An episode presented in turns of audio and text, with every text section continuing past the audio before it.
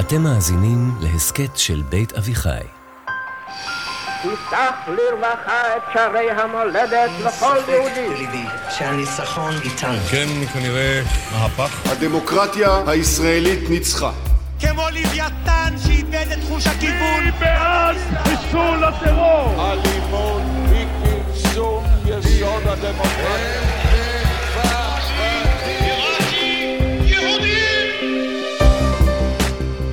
בסוף הפרק הקודם עזבנו את הציונות הדתית כשהיא בנקודת השיא שלה, משיחית, כריזמטית וגואלת. מחומשת ברעיונות קבליים עמוקים בגרסתם הקוקניקית, הציונות הדתית המחודשת מצליחה לעורר השראה בבניה ובבנותיה, ולייצר אצלם חיבור מפעים בין לאומיות לדתיות, בין מחויבות לעם ישראל למחויבות לתורת ישראל. אבל בדיוק אז, בנקודת השיא, קורה משהו לא צפוי. סתירה פנימית חבויה ורדומה בעומק התיאולוגיה של הרב קוק, צפה על פני השטח, וממיסה את הדבק המיוחד הזה שהוא ייצר. אני אפרת שפירא רוזנברג, ובפרק הזה של מפלגת המחשבות, הפרק המסכם של סדרת הציונות הדתית, אני מזמינה אתכם לצלול איתי ועם מיכה גודמן למושגי יסוד בסיסיים בקבלה, להבין את תהליכי הפירוק שעוברים על הציונות הדתית בשנים האחרונות, ולראות דוגמה מאלפת לאיך רעיונות תיאולוגיים משפיעים באופן ברור על מהלכים פוליטיים. שלום מיכה. שלום אפרת. היום נתחיל לדבר, וגם נסיים כנראה, על השבר, על תחילת השבר. נכון. טענתי שיש סתירה פנימית רדומה בתוך התיאולוגיה המשיחית של הציונות הדתית, סתירה רדומה, והיא קמה לתחייה ב-20 השנים האחרונות. אז אנחנו ככה מזמינים את המאזינים והמאזינות שלנו לשים תרמיל על הגב ולנעול נכון. נעלי הליכה ולצלול איתנו, זה יהיה הארדקור של אה, תיאולוגיה. וקבלה, אז כן. אה, כאילו תתכוננו. נתחיל בקבלה. אחד הרעיונות החשובים בזרם המרכזי של הקבלה, מכונה באקדמיה הזרם התיאוסופי-תיאורגי, לא צריך את כל המושגים האלה האמת, זה הרעיון של ההאצלה, אמינציה. מה זה האצלה? האצלה זה שונה מהאופן שבו אנחנו תופסים את יחסי אלוהים עולם כיחסי בורא נברא. האצלה זה תהליך שבו העולם נוצר מתוך אלוהים או מתוך האלוהות, אבל לא כתהליך של בריאה, אלא כתהליך של האצלה. אני אסביר, יחסי בורא ונברא מניחים שונות בין הנברא לבין הבורא. השולחן שונה לגמרי מהנגר, העולם שונה לגמרי מאלוהים. עכשיו הדימוי שלי להאצלה, זה שאם העולם נאצל מאלוהים, אז העולם, או מה שנאצל מאלוהים, יש בתוכו משהו מהעצמות של האל עצמו. אני אתן את המשל הכי מוצלח שיש לי, קרני השמש והשמש. קרני השמש, האור שיש כאן בחדר עכשיו, אפרת. האנרגיה שיש עכשיו מהשמש. אפשר להגיד, האור הזה הגיע מהשמש. האנרגיה הזאת הגיעה מהשמש. ואפשר להתנסח אחרת. זאת השמש עצמה. השמש הגיעה אלינו. כן. השמש, האנרגיה הזאת, היא האקסטנציה של השמש. השמש כביכול שפכה את עצמה החוצה והגיעה אלינו. עכשיו, זה נדמה לי הדימוי הכי טוב שיש לי בשביל להבין את היחסים שבין האלוהות הנסתרת והאינסופית, שעליה אומרים במקובלים, לית מחשבה תפיסה בי, אי אפשר לתאר אותה, אי אפשר לתפוס אותה, ממש כפי שהרמב"ם הגדיר את האלוהות, מעל השפה, מעל הדמיון, זה האלוהות, אבל הספירות הם האקסטנציה של האלוהות. כאילו כמו האור והאנרגיה שמגיעה מהשמש, אז יש בהם שמש, הם שמש, אבל הם לא השמש, נכון? אז ככה הספירות הן אלוהות, הן אקסטנציה, הן ההתרחבות של האלוהות, ומצד שני הם לא האלוהות. אני יודע, זה מורכב, אפילו יש פה אולי סתירה. זה כמובן עמוק ומורכב מיני ים. אנחנו לא עושים כאן הקדמה לספירות ולקבלה, אלא רק לנקודה אחת. כל הספירות הללו, ויש עשר ספירות, ספירות בלימה, כפי שזה מכונה בספר יצירה קדם קבלי, כל הספירות הללו הם אור מסוים של אלוהים במצב צבירה מסוים. אחד ממצבי הספירה האלה זה ספירת מלכות, הספירה התחתונה, הספירה העשירית. עכשיו, בתוך המסורת הקבלית יש קול, שהרב קוק שמע את הקול הזה וביטא את הקול הזה, שספירת מלכות, אחת מהספירות, שהאור שלה, כביכול, אגב, מקובלים תמיד אומרים כביכול, כדי לא להילכד במובן הכי ורבלי ופשוט של המילים, האור שלה הוא אור אלוהי. אחת מהספירות הללו מכונה כנסת ישראל. וכנסת ישראל זה גם הכינוי של נשמת האומה היהודית. עכשיו, זו נקודה שכבר אמרנו אותה, ועכשיו אנחנו נכון. חוזרים אליה וצוללים אל תוכה. נובע מכאן, מה זה עם ישראל? עם ישראל זה אורגניזם חי שיש לו נשמה. הנשמה היא, כל אחד מהפרטים של עם ישראל מבטא את נשמת האומה, אבל נשמת האומה זה ישות עצמאית, נפרדת, נבדלת. מה יוצא מכאן? בואו נחשוב רגע באופן קוקניקי. באשר אני מיכה, אני סתם מיכה. אבל אם אני מחובר לנשמת האומה, נניח בתחושה, במעין התמסרות מיסטית לקולקטיב היהודי. אם אני מחובר, אני, האגו שלי נמס בתוך נשמת האומה, מכיוון שנשמת האומה היא אלוהית, היא גילוי של ספירת מלכות, אז כשאני מתחבר לנשמת האומה, אני עכשיו בחוויה מיסטית של התמזגות בתוך אחד הגילויים של האלוהות. עכשיו, זה תלוי בך, זה תלוי בתודעה שלך, אתה יכול להחליט, או שמעצם קיומך, אתה באופן באופן- אוטומטי חלק נכון. מהדבר הזה. בתוך כל יהודי יש ניצוץ של נשמת האומה.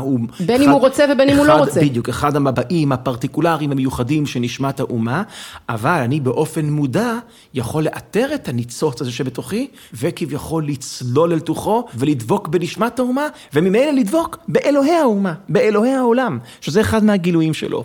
יוצא מכאן אפרת שאי אפשר, וזו הנקודה החשובה הראשונה, אי אפשר להפריד בין פטריוטיות לרליגיוזיות. פטריוטיות, האהבה שלי לעם שלי, הרצון שלי להתמסר למען העם שלי, היא בהגדרה חיבור ל- לאלוהים. נכון? כי אם נשמת האומה היא אלוהית, אם יש, סליחה על המונח עכשיו, דאיפיקציה של נשמת האומה, אם נשמת האומה היא אלוהית, אז אם אני מוסר את עצמי למען האומה, אני מוסר את עצמי, אם אני מודע לכך או לא מודע לכך, לאלוהי האומה שהוא אלוהי העולם. אבל עכשיו אני רוצה לקחת את הרעיון הזה עוד צעד רדיקלי קדימה. אחת ההשלכות של דאיפיקציה של נשמת האומה, שנשמת האומה היא אלוהית. אחת ההשלכות של זה, דאיפיקציה זה בעצם הפיכה של אה, משהו אנושי לאלוהי. כן, אבל צריך לזכור, האומה היא לא רק כל היהודים שחיים היום. האומה היא כל הדורות, כולם. נשמת האומה היא על-זמנית. עכשיו כאן יש רעיון מאוד מאוד מעניין. העולם היהודי, מאז המאה ה-19 ותחילת המאה ה-20, נוצרו שאלות שהתחלו לפקפק בגרסה האורתודוקסית של סיפור ההתגלות. הגרסה האורתודוקסית הקלאסית, משה קיבל תורה מסיני, אני אגיד את זה הכי הכי ילדותי שאני יכול, אוקיי? בדרך כלל גדולי ישראל לא חשבו על זה באופן ילדותי, אבל רק לצורך העניין, אלוהים כתב ספר, אוקיי? כן. מסר אותו למישהו, למשה, והוא העביר אותו הלאה, נכון? יש לנו תמונה כזאת. כן. מרוץ שליחים. מרוץ שליחים כזה, נכון? זאת אומרת, התורה התגלתה לעם ישראל, או ניתנה לעם ישראל. במצבה המוכן והמוגמר כבר. נכון. לפחות התורה שבכתב. עכשיו, ואז יש תמונה חלופית, שמתחילה להתגבש במאה ה-19 ומגיעה לבשלות שלה, לדעתי, אצל אחד העם. שאומר, התורה לא התגלתה לעם ישראל, היא לא ניתנה לעם ישראל, היא נכתבה על ידי עם ישראל, היא יצירה של עם ישראל, היא יצירה רב-דורית של העם היהודי. התנ"ך הוא לא ספר, הוא ספרייה שנכתב במשך כאלף שנים על ידי יהודים שונים, בדורות שונים, במקומות שונים, וככה זה יצירת האומה. התורה שבעל פה, המשנה, התלמוד, זה יצירת האומה, ולכן על פי אחד העם, התורה היא לא דת, היא תרבות. דת יעני יצירת האל, לא, היא תרבות, היא יצירת העם, יצירה הרב-דורית של העם. וכביכול יש כאן התנגשות מאוד גדולה, יצירת האל או יצירת העם, התגלות או תרבות. בא הרב קוק ועושה, כך על פי הקריאה שאני רוצה להציע, את ההכרעה הבאה. אחד העם צדק, אגב, זה משפט אנכרוניסטי, כן? אני לא יודע אם הוא אמר, חשב ספציפית על אחד העם, אבל העמדה שהיהדות היא יצירת האומה, העמדה הזאת נכונה, אבל כשאנחנו אומרים את זה, זאת לא כפירה באלוהיות של התורה, אלא ככה אנחנו מביעים את אמונתנו באלוהיות של התורה. האלוהים מתגלה דרך הבחירה של העם ליצור את התורה, או דרך התהליך הזה שבו העם יוצר את התורה. אם נשמת האומה היא אלוהית, ונשמת האומה, דרך האומה, יצרה את התורה, אז התורה היא אלוהית. לא היא אלוהית, לכן היא לא יצירת האומה, היא אלוהית בגלל שהיא יצירת האומה.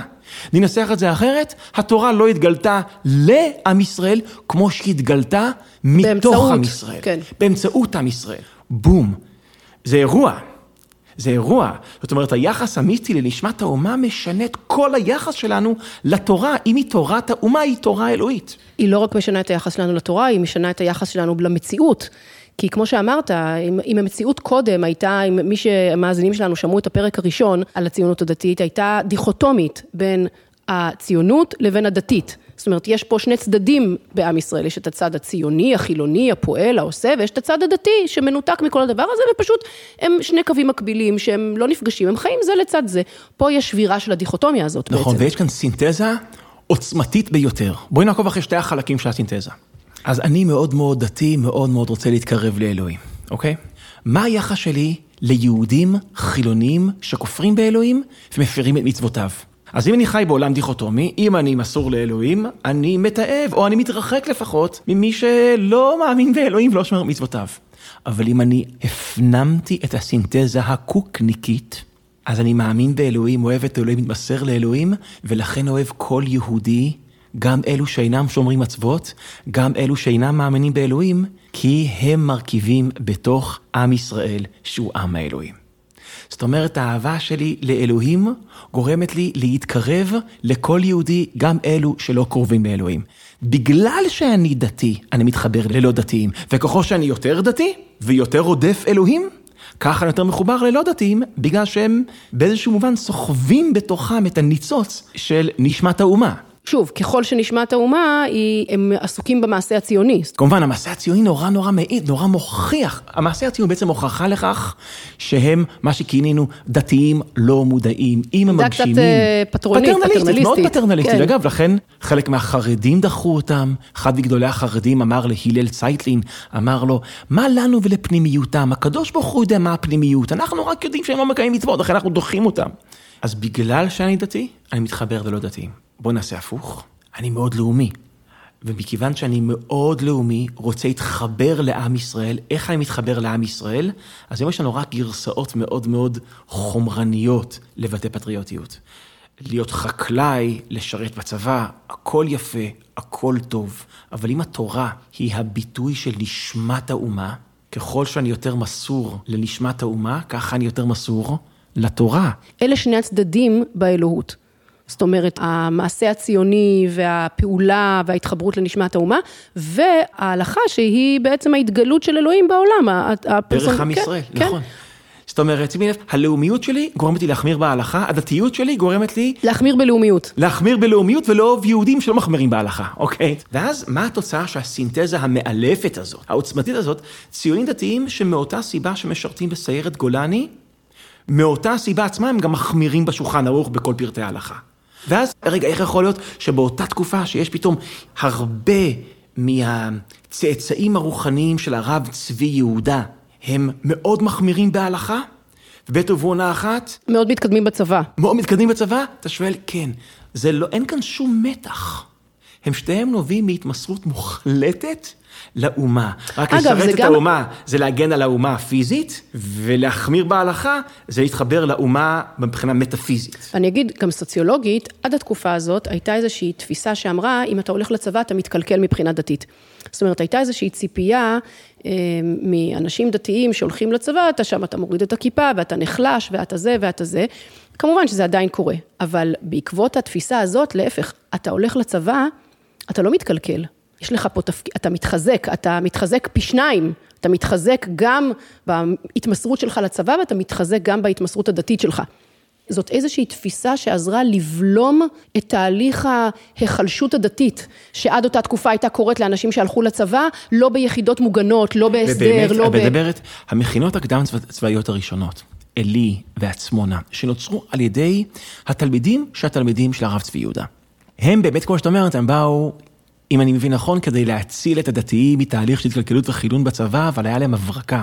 הם לא אמרו, תחזיקו מעמד כדתיים, נכון. בזמן שאתם עושים את המעשה החילוני שקוראים לו לשרת בצבא, לא, תפרשו, תחוו את המעשה של שירות בצבא כמעשה מאוד מאוד דתי. וזה נתן גם כוח לשמור על העמדה הדתית, כי בניגוד לישיבות הסדר שמתגייסות ביחד, והם שומרים על עצמם, ופלוגות של בין אישים וכולי, כי הצבא הוא סוג של איום על הדתיות שלי, החבר'ה שהלכו למכינות קדם צבאיות והלכו לשלוש שנים בצבא ולקצונה ולתפקידי פיקוד, להפך, הצבא הוא התממשות של, ה, של הדתיות נכון. שלי. ההתמסרות הלאומית היא לא נוספת.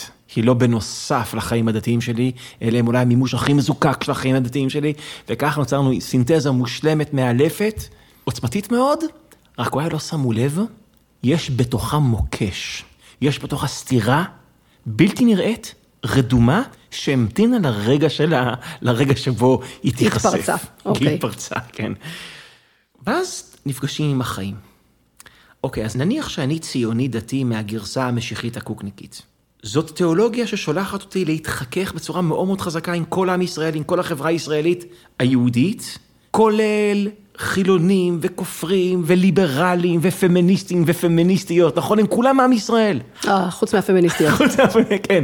אז אני בקשר אינטימי עם כולם, ואני מתחכך עם כולם, כי הם עם ישראל ואני אוהב אותם, אבל אנחנו יודעים איך החיים עובדים. ברגע שאתה ב bonding, ברגע שאתה נקשר מאוד לאנשים, משפיעים עליך. להיקשר לאדם זה להיקשר לכל העולם שלו. העולם המשפחתי שלו, העולם התרבותי שלו, למוזיקה שהוא שומע, לספרים שהוא קורא, לערכים שהוא מאמין בהם, לדמויות שהוא מעריץ. אתה נושם את הכל פנימה באופן פסיבי. או אקטיבי. או אקטיבי, כן, אתה מעשן את זה פנימה. לא, אם אתה לא בא עם תודעה של סכנה, אז המגננות שלך נכון, יורדות, נכון. הגדרות יורדות. אז תורת הרב קוק גורמת לך להתמסר ללא גדרות, ללא מגננות, לישראלים, ליהודים, שיש בתוכם טביעות אצבע של תרבות לא יהודית, שהיא זרה לנשמת האומה. לתרבות מערבית, ופילוסופיה מערבית, וערכים מערביים, ומוזיקה מערבית, ואז יוצא מכאן ששימי לב למתח המעניין, כשאני מתחבר לעם ישראל, בפועל... הקונקרטי. הקונקרטי, זה מדלל את המחויבות שלי לכנסת ישראל המטאפיזית. אז הנה פתרון מעניין, מה הפתרון? בואו נקים יישובים לדתיים בלבד. אגב, ונחמיר מאוד מאוד בהלכה, ככה שזה יחסום מאוד את האינטראקציה עם ישראלים שאינם דתיים. דרך אגב, אם אי אפשר בדיוק להגיד שלום, כי דפוסי אמירת שלום שמקובלים בעולם, כמו ללחוץ יד, הם אסורים, כל מיני, אלו גדרים הלכתיים שיוצרים מחיצות חזקות. בין דתיים לבין שאינם דתיים. לא, ולא רק בין שאינם דתיים, גם לדתיים שהם... לא מקפידים כמוני. שמושפעים מלא דתיים. כן, לא, כן, זאת אומרת, נכון. אתה מדבר על, על יישובים רק לדתיים, אז ביישובים האלה זה לא רק שלא נכנסים אליהם לא דתיים, לא נכנסים אליהם גם אנשים דתיים שהם לא נכון. דתיים כמונו. וגם לבתי הספר לא נכנסים, לא ילמדו עם הילדים שלנו, ילדים נכון. שהם דתיים שונים מאיך שאנחנו דתיים. אז תראי איזה יופי, קפיטל תרבותי אדיר מושקע בהתבדלות. ומה המוטיבציה להתבדלות מעם ישראל? להגן על החיבור האותנטי שלנו לנשמת עם ישראל. זה הפרדוקס הכל כך יפה שיש כאן. אולי דרך טובה להדגים את זה, זה להסביר את ההתבדלות של החרדים. בהתבדלות של החרדים אין סתירה פנימית. התורה היא יצירת אלוהי ישראל, היא לא התגלות נשמת עם ישראל. ולכן אם אני רוצה לשמור על נאמנות טהורה לתורה, אני מתרחק מחלקים מעם ישראל, כדי לשמור על נאמנות לתורה. לתורת ישראל. של אלוהי ישראל. כן. אוקיי? מחויבות לאלוהים מחייבת התרחקות מהעם. אצל הרב קוק, יש את הסתירה הזאת, שאם התורה היא יצירת העם, יוצא שכדי לשמור על הנאמנות שלי לתורה, ליצירת העם, אני צריך כל הזמן להתרחק מחלקים מהעם. כן, לא, אני אומרת שזה עצוב, כי זה באמת העדפה של איזשהו אה, רעיון אה, ארטילאי מופשט. אה, על פני המציאות, החיים okay, עצמם. רגע עכשיו... את זה אני כבר אומרת בצורה שיפוטית, okay, כבת למגזר הזה. אבל אני רוצה רגע לייצג את הצד השני. אוקיי? נניח מתבוננים בדתיים שהפנימו את הקריאה הגדולה של הרב קוק, של הרב צבי יהודה קוק ושל תלמידיו. אנחנו צריכים להתמסר למען עם ישראל ולהתחבר לעם ישראל ולאהוב... רק שעם ישראל לא יפריע לנו בזה בבקשה. לא, לא, עכשיו את הצד השני של זה. הצד השני של זה, יש נניח, אה, בואי נחשוב על דמות מאוד דומיננטית בציונות הדתית, נפתלי בנט, אוקיי? נפתלי בנט, יש לו גנים ציונים דתיים מאוד מאוד חזקים. באיזה מובן? שהוא שמע את הקריאה גם אם הוא לא למד במרכז הרב. אבל יש אנרציה תרבותית, יש אנרציה לרעיון שכציוני דתי אתה מחובר לכלל ישראל. שנים כבר מדברים על פיצול עמוק בתוך הציונות הדתית, נכון? בין ציונות דתית מסתגרת ומתבדלת לבין ציונות דתית שנפתחת והיא חלק מהישראליות? כן, לא, ובמידה רבה, מה שאתה אומר עכשיו, המהלך ששרטטת, הוא מסביר, וזו דוגמה מאלפת לאיך תיאולוגיה ואידיאולוגיה מסבירה פוליטיקה. מה שאתה אומר עכשיו, זה בעצם ההסבר לפיצול בין הבית היהודי, קו נטוי הציונות הדתית בגרסתה דהיום, לבין ימינה ובנט. הפיצול בין סמוטריץ' לבנט, פה הוא נמצא. הוא נמצא בתוך סינתזה מאלפת בתוך משנת הרב צבי יהודה, שהתגלתה כסתירה מפרקת בתוך משנת הרב צבי יהודה. והביטוי הפוליטי שלה... זה מפלגה של סמוטריץ' שמעדיפה את המחויבות לתורת ישראל ולנשמת האומה הארטילאית המופשטת, על פני, הסתגרות. על פני החיבור לעם ישראל הקונקרטית, אל מול המפלגה של בנט שמעדיפה את החיבור לעם ישראל הקונקרטי במחיר התרחקות קצת מנשמת האומה המופשטת. בול, והייתי אומר, אם יש אירוע שנתן עוצמה לתהליך שבו הסתירה התגלתה, זה ההתנתקות. כשפתאום הלא דתיים, הם לא לא דתיים שהם מאוד לאומיים, ולכן באופן לא מודע מאוד דתיים, אלא מסתבר שהם לא מקדמים את הגאולה, אלא עוצרים את הגאולה, פתאום כל הלגיטימציה לשיתוף פעולה איתם, זה כבר דיברנו, הולכת ומתרסקת, מה שמאיץ את הבחירה בתהליך של ההתמסרות לנשמת האומה, תוך כדי התבדלות, התנתקות. מהאומה עצמה, זה האיץ את התהליך הזה. אני קורא לזה תוכנית ההתנתקות 2, ההתנתקות מעם ישראל, אבל מאיזה מוטיבציה? של התחברות לעם ישראל, לעם ישראל המטאפיזי. כן, אתה יודע, אני שמעתי פעם על איזשהו בית ספר, לא, אני לא אגיד איפה בארץ, בית ספר מאוד מאוד דתי, חרד"לי כזה, תורני, שקוראים לו אהבת ישראל, לבית ספר. וזה בית ספר שמטבע הדברים מאוד מאוד מסנן תלמידים, ולא מקבל ילדים שההורים שלהם נראים בצורה מסוימת, ובצבע מסוים וכולי. זה בית ספר שנקרא אהבת ישראל. אני תמיד הסתכלתי על זה בציניות, והיום לאור ההסבר שלך, אני מבינה שזה לא ציני. זה באמת מהלך, זה הגרסה הזאת של המהלך הקוקניקי. מה שהתחיל כ... וואו, מאותה סיבה שאני אוהב לא דתיים, אני מחמיר בהלכה, סינתזה מושלמת, הופכת ל... אני חייב להתרחק מלא דתיים כדי שאני אוכל להתחבר. להמשיך לאהוב אותם. להמשיך לאהוב את הגרסה המטאפיזית שלהם. כן, בדיוק. כן, עכשיו, אז איפה זה מותיר אותנו? תראה, ההתנתקות זה רק תהליך אחד שניפץ את זה. אפשר לומר שככל שהעולם נהיה יותר אינדיבידואליסטי וליברלי ופרוגרסיבי, וההתנתקות היא רק ביטוי לעידן פוסט-לאומי, כל הצידוק לשיתוף פעולה עם לא דתיים זה הלאומיות שלהם, ברגע שהלאומיות נחלשת, הצידוק לשיתוף פעולה איתם נחלש, ואפשר לומר שהתחזיות הגדולות של הציונות הדתית המשיחית התבדו. ההתיישבות ביהודה ושומרון, אגב, על פי אמנת גוש אמונים, ההתיישבות ביהודה ושומרון תביא לתחייה של המחויבות הדתית של היושבים בשפלה.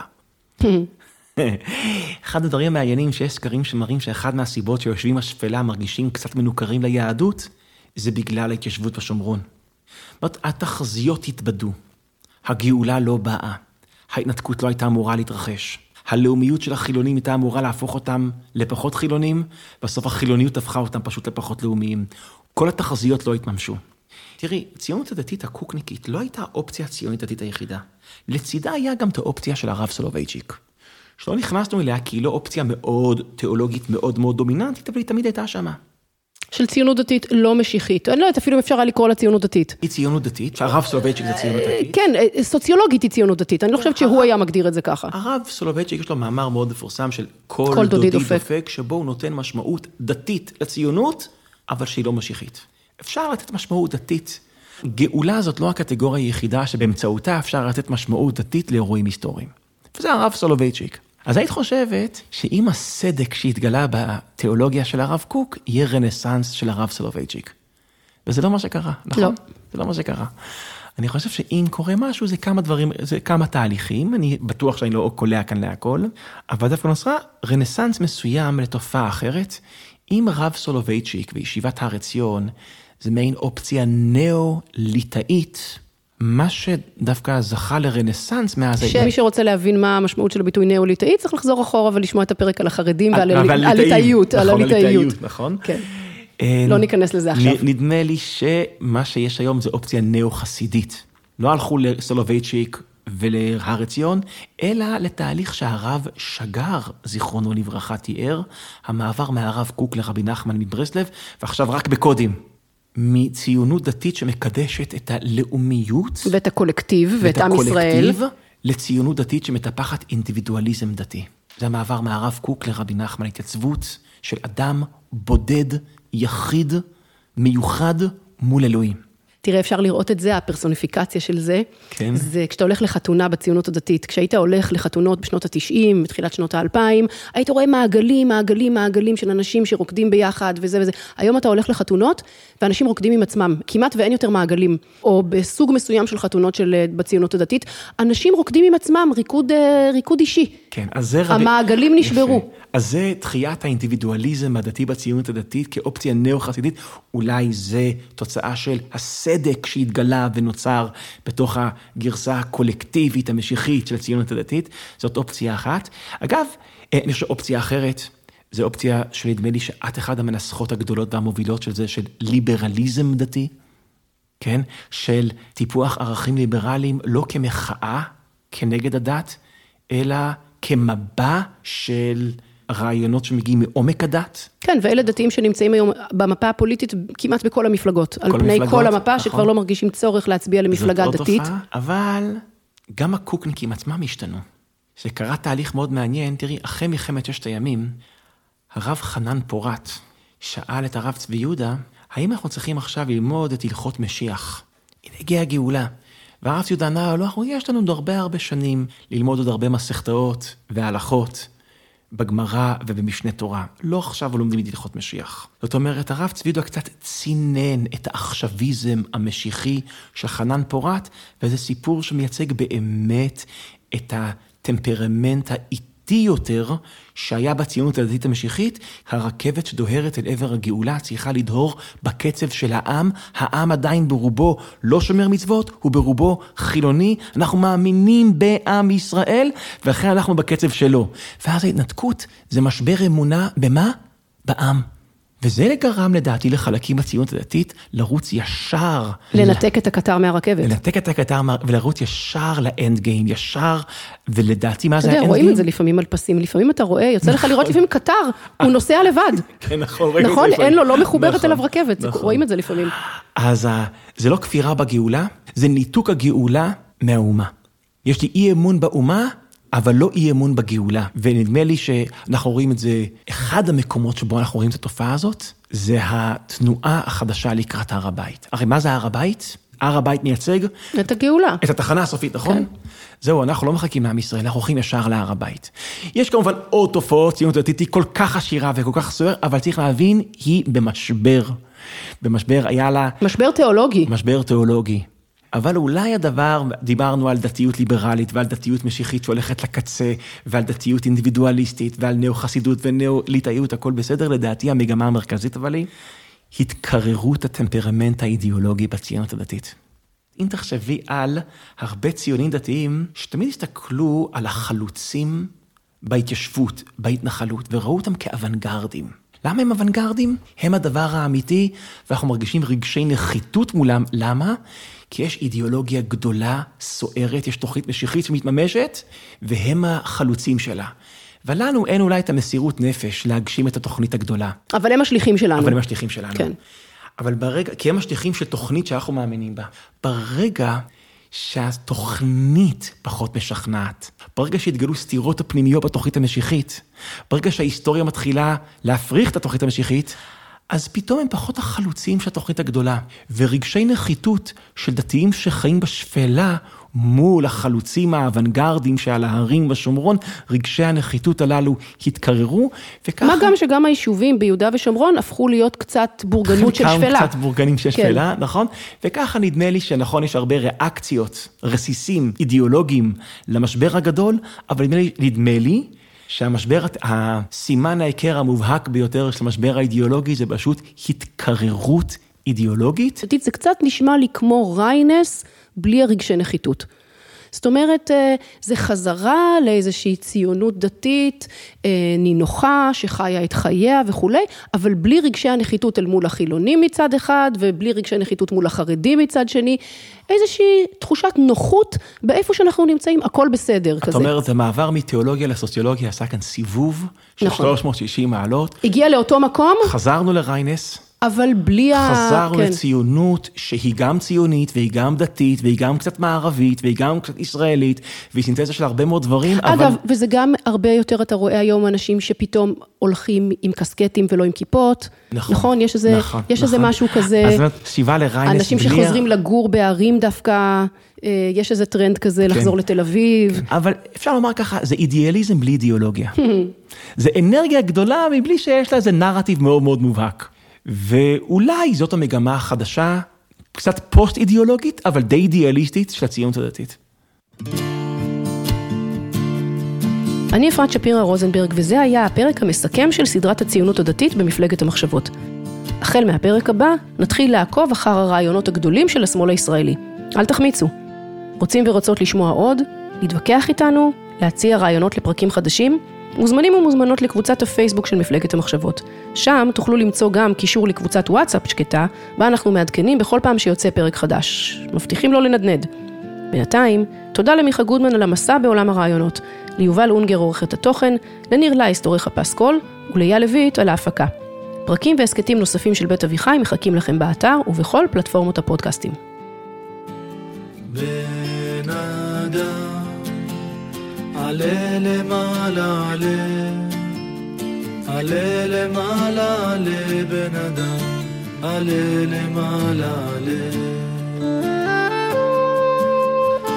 بن ادم عليلي مال عليه عليلي مال عليه